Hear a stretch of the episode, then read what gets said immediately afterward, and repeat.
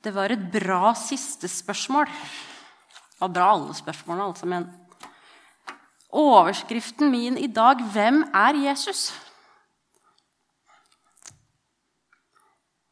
I morgen er det Kristi forklarelsesdag. Hvem er Jesus? Vi skal møte tre personer, tre disipler, i dagens tekst. Som ofte har fått lov til å komme tett på Jesus. Peter, Jakob og Johannes de hadde jo fulgt Jesus en stund. Og En gang så hadde de sluppet alt de hadde i hendene, og så hadde de fulgt Jesus den dagen han sa 'følg meg'. De hadde hørt at Jesus talte mange ganger. De hadde fått ekstra forklaringer på det Gud sa. De hadde fått stille spørsmål, og så hadde de fått sett at Jesus gjorde syke friske. Flere ganger. Og, og liksom ordentlig frisk. Lamme som faktisk fikk gå. Det er jo sånn eh, Kristi forklarelsesdag det er en sånn vanskelig tekst. Det er så vanskelig å forstå. Men disiplene hadde jo allerede sett ting som vi ikke helt klarer å skjønne. De hadde sett at han rådet over vær og vind, og sett at han gikk på vannet. Men hadde de forstått hvem Jesus virkelig var? I søndagens tekst så får Jakob, Johannes og Peter en ny opplevelse med Jesus. Vi leser i Lukas 9, 28-36. Omkring åtte dager etter at han hadde sagt dette, tok han med seg Peter, Johannes og Jakob og gikk opp i fjellet for å be. Og mens han ba, fikk ansiktet hans et annet utseende. Klærne ble blendende hvite. Og med ett sto det to menn og snakket med han. Det var Moses og Elia. De viste seg i herlighet og talte om den utgangen livet han skulle få om det han skulle fullføre i Jerusalem.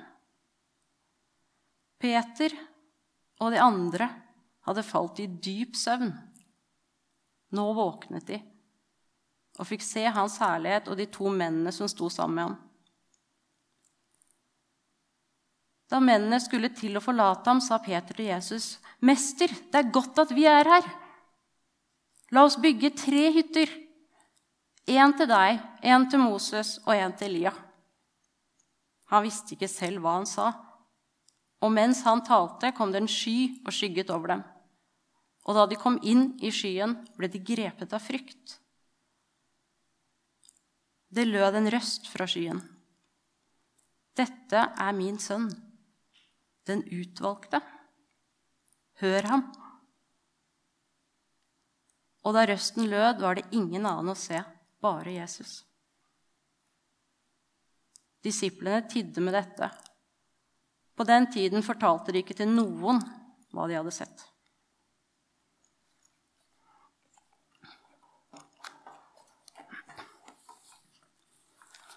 Disiplene hadde som sagt opplevd mye sammen med Jesus. Og de hadde nok undret seg mange ganger, blitt forvirra og forbløffa. Men Jesus var jo et menneske, lik dem på så veldig mange måter men allikevel annerledes. Og denne dagen skulle liksom bli nok et bevis på det. Da. At Jesus ikke var som dem. I Det nye testamentet så fortelles det mange ganger om at Jesus ber. Bønn var viktig for Jesus.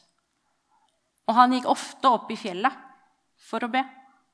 Og det er kanskje ikke så vanskelig for oss nordmenn å forstå, for fjellet er jo et et eget sted. Hvis noen forteller deg at de skal på fjellet i ferien, så ah, fjellet. Der er det godt å være. Der har man gode opplevelser. Der er det en egen ro. Man har en egen stemning. Vekk fra kjas og mas og Kanskje var det det Jesus også kjente på. Hva Jesus hadde sagt til eh, disiplene sine i forkant av turen eller på vei opp? Det vet vi ikke. Men noen dager i forveien så kan vi lese i Lukas, Lukas 9, 18. Jesus var alene og ba, og bare disiplene var sammen med ham. Da spurte han dem, 'Hvem sier folk at jeg er?' Hvem sier folk at jeg er? Hvis Jesus spurte dere i dag Oslo 2022 Hvem sier folk at Jesus er?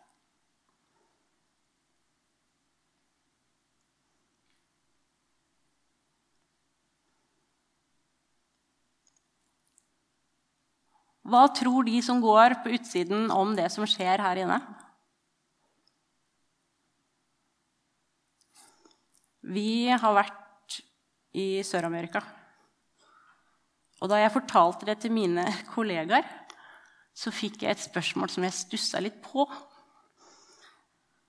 Eh, jeg hadde ei som skulle begynne i første klasse, ei som skulle begynne i andre klasse, ei som skulle begynne i fjerde klasse, og ei som gikk i barnehagen. Og så fikk jeg spørsmålet fra en kollega, oppegående lærer, norsk skole. Men eh, hva skal barna dine gjøre?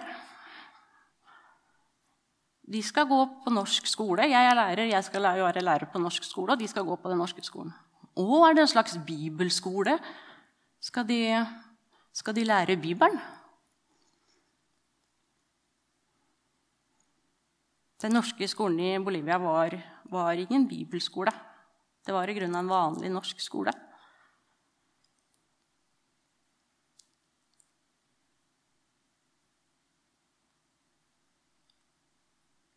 Hvem sier folk at jeg er? Og hvis Jesus spurte Eller hva hadde du svart? Disiplene hadde flere tanker og flere meninger om spørsmålet. De svarer Elia, døperen Johannes og kanskje eller en av de gamle profetene. Noen mente sikkert også en gal mann eller en opprører. Og kanskje hadde vi fått noen av de samme svarene i dag også. En gal mann, en snill mann, en profet eller en løgn. En menneskeskapt skikkelse som ble til fordi at noen trengte noe å tro på. Noe høyere enn seg sjøl, noe større enn seg sjøl. Noe å holde fast ved når ting ble vanskelig. For vanskelig. Og dere, spurte han, hvem sier dere at jeg er? Og du? Hvem sier du at jeg er? Hvem sier du at Jesus er? Disiplene hadde fått oppleve Jesus på jorda, vært tett på, sett uforklarlige ting, fått øyeblikk med Jesus. Vi har fått se Jesu liv i et større perspektiv. Vi mangler noen brikker for å se bildet av Jesus helt klart. Hvem sier dere at jeg er? Peter er raskt på som veldig mange ganger. Du er Guds Messias. Uten spørsmål. Overbevist. Allikevel så kjenner vi Peters historie. Vi har sett og hørt historien videre. Vi vet at det kommer tunge stunder for Peter.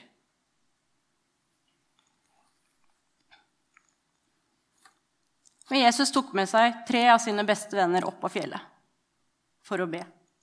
De faller i dyp søvn. Hvordan kan dere sove? spør Jesus disiplene seinere. I Getsemane, da det samme skjer igjen. Hvordan kan dere sove? Disiplene kom til kort. Mennesket kommer til kort i møte med Gud. Vi strekker ikke til. Selv om vi har en overbevisning, Og vi er tett på Jesus, så svikter Peter. Og så svikter vi. Disiplene våkner til et syn de aldri tidligere har opplevd. De fikk se Jesu herlighet. Ansiktet hans hadde fått et nytt utseende. Matteus beskriver det som at ansiktet strålte som solen, og klærne ble hvite som lyset. De hadde opplevd mye med Jesus, sett veldig mye rart. Men dette måtte kanskje overgå alt sammen. I store idrettsprestasjoner så får skiløperen eller håndballspilleren spørsmålet 'Hva føler du nå?' Og Peter, hva føler du? Hva følte du her? Her våkner du opp, du har blitt med Jesus opp på fjellet for å be. Så sovner du, og så våkner du til en strålende Jesus. Vi veit at inntrykket gjorde noe med Peter. Han forteller om det seinere i 2. Peters brev. Og i tillegg, sammen med Jesus, så står Moses og Elia. To historiske, store helter. Moses og Elia. Jeg veit ikke hvem jeg kan sammenligne med i norgeshistorien, men dette var to store, skikkelige gutter. Og hvordan disiplene forsto hvem det var som sto der, veit jeg ikke. Om Jesus presenterte dem, eller om de presenterte seg selv, eller Det sier ikke teksten om. Og hvor mye disiplene lyttet til eller deltok i samtalen, det vet vi heller ikke. Men at de, noen små fiskere, de skulle få den opplevelsen. Det minner meg litt om gjeterne. De fikk budskapet fra engelen om at Jesus var født. Og her var det tre fiskere. Gud tenker annerledes enn oss. Midt i denne guddommelige opplevelsen, noe uforklarlig, noe utenomjordisk, så står tre fiskere.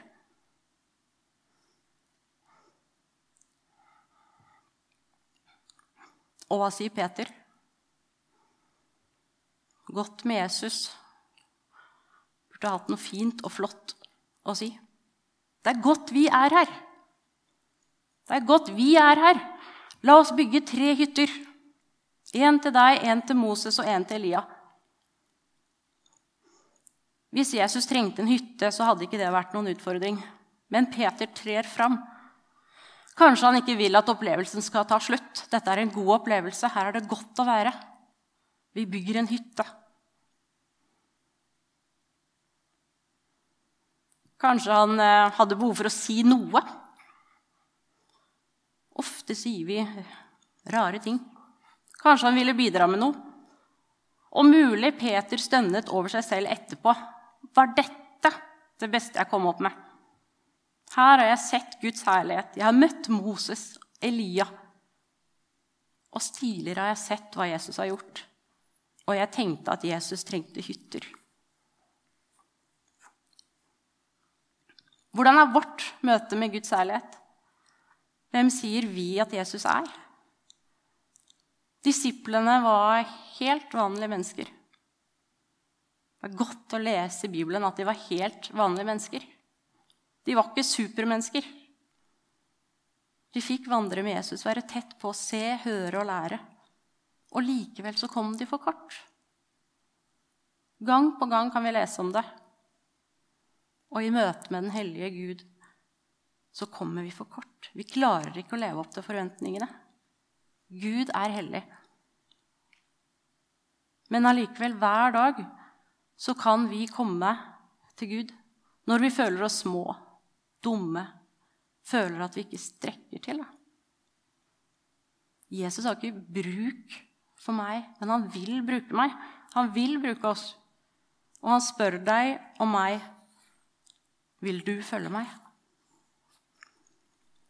Jeg har en sang som jeg er blitt veldig glad i. Når livet ikke alltid er sånn i topp stemning og hurra, så er det godt å komme tilbake til denne sangen. Det er navnet ditt jeg roper, vil du følge meg? Vil du trå i mine fotspor på en ukjent vei? Vil du kjennes ved mitt navn? Vil du møte sorg og savn? Vil du hvile i min favn og la meg bli hos deg? Vil du ta det første skrittet? Vil du følge meg? Vil du gå til mine minste på en ukjent vei? Vil du tåle onde blikk, stå igjen når noen gikk? Du skal gi dem alt du fikk, for jeg vil bli hos deg. Vil du åpne blinde øyne? Vil du følge meg? Se at fanger får sin frihet på en ukjent vei. Vil du stelle andre sår i det skjulte år for år? Da er lønnen som du får, at jeg vil bli hos deg. Vil du trosse angst og uro? Vil du følge meg? Ta imot deg selv med nåde på en ukjent vei. La de ord som jeg har sagt, folde ut sin skapermakt, tross din tvil og selvforakt, for jeg vil bli hos deg. Når du kaller, må jeg lytte. Jeg vil følge deg. Jeg vil vende om og vandre på en ukjent vei. Dit du går, vil jeg gå med. Herre, la din vilje skje for jeg vet at jeg skal se mitt liv fullendt i deg. Så om jeg kommer til kort da, i møte med Den hellige, så vil han allikevel bli hos meg. Han har åpnet porten til himmelen.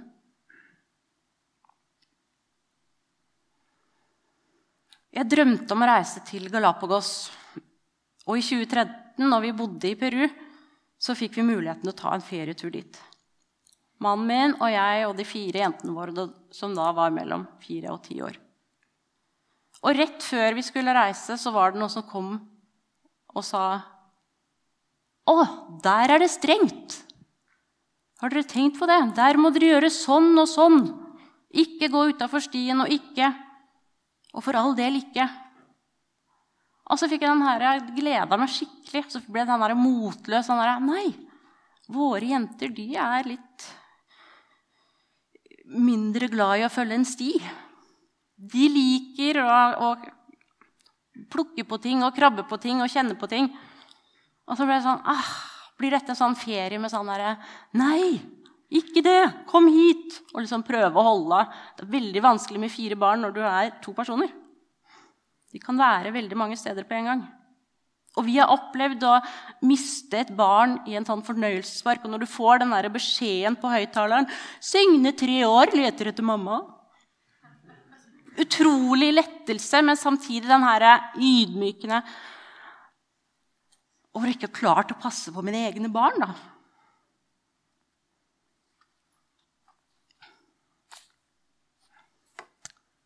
Vi fikk ikke noen bot på den eh, ferieturen. Det var ikke noe problem verken for oss eller ungene å holde oss på, rett, på rett sted. På begge sider eh, så var det tornekratt, kaktuser og ting man egentlig ikke er så glad i å få et nært møte med. Stien var lang, og det var tunge motbakker, svinger, og det var varmt i solsteiken. Men det var trygt på den stien. Vi visste at den ville lede oss fram. Når vi får gå med Jesus, og når vi har sett og opplevd hans herlighet, bør det ikke da være lett å holde seg på stien? Vi kan høre mye om kristne og møter og hva som skjer der. Og Å nei, hva er det jeg har gitt meg ut på? Men når vi kommer til stien, så burde vi jo aldri forlate den. Og så veit vi at vi tuller oss bort. Inn i tornebuskene. Vi synder, og vi gjør det vi vet at vi ikke bør gjøre. Og så gir det oss skrammer, da. Og sår. Og Jesus tar imot oss.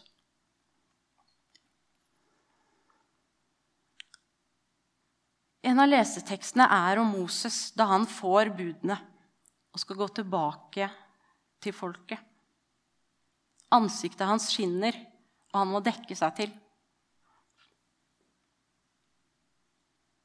Og jeg føler at jeg har fått et nytt forhold til lover og regler disse to siste årene. Påbud og forbud har hatt en relativt stor innvirkning på livet vårt.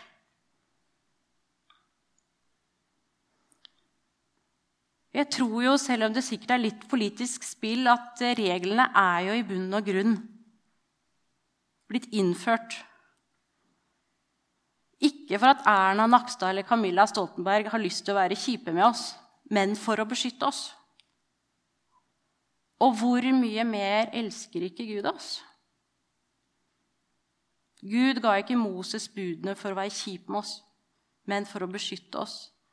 Kristendommen handler ikke om lover og regler. Den handler om nåden.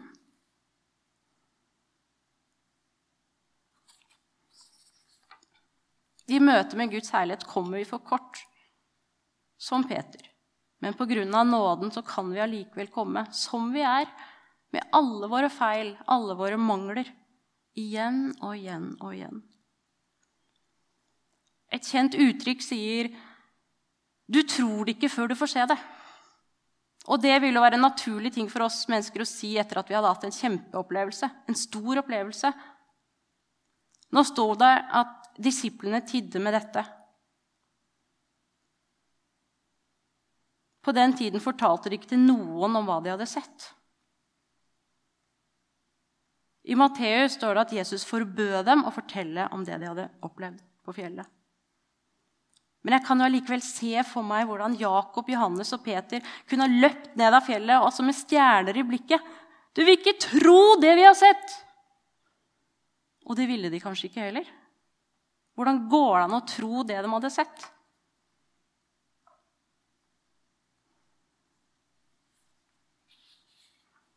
Og vi kjenner igjen historien med Thomas. Dersom ikke jeg får se naglemerkene eller få legge fingrene i, og stikke i hånden, og legge fingrene i dem eller stikke i hånden i siden, så kan jeg ikke tro det.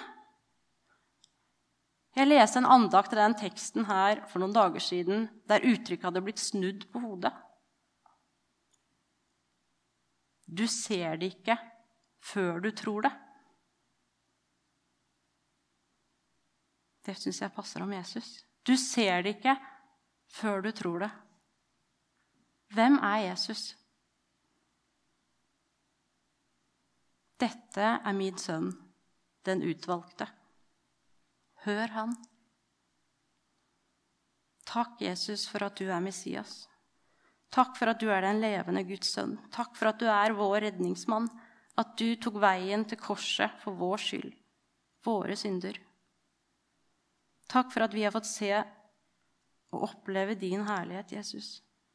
Takk for at vi kan kalle oss dine barn selv om vi ikke strekker til. Selv om vi svikter og selv om vi faller. Hjelp oss du å ikke forville oss inn i tornebuskene.